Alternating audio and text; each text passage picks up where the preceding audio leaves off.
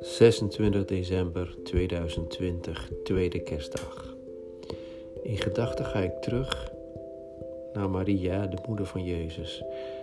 Wat zou ze hebben meegemaakt? Wat zou er in haar hoofd hebben afgespeeld toen ze hoorde dat ze zwanger was, terwijl ze niet getrouwd was? Het was die tijd een groot schandaal. Het was zelfs gevaarlijk. Ik heb daar het volgende gedicht over gemaakt. Maria's woorden. Het zal niet gemakkelijk zijn. Ik zal nooit meer dezelfde zijn. Jozef, wees niet boos op mij. Een baby? Ja, een baby verwacht ik.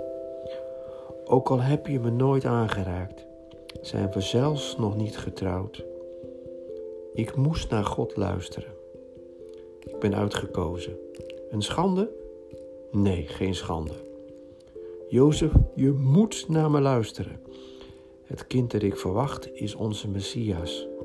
Hij zal ons bevrijden. Het offer is groot, maar deze liefde is levend. Echte liefde, daar vertrouw ik op.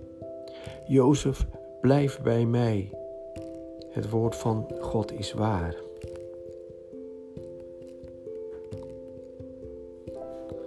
Jozef, laat me niet in de steek. God is met ons. Jozef, er zal licht zijn in een wereld vol duisternis. Aad van der Klauw.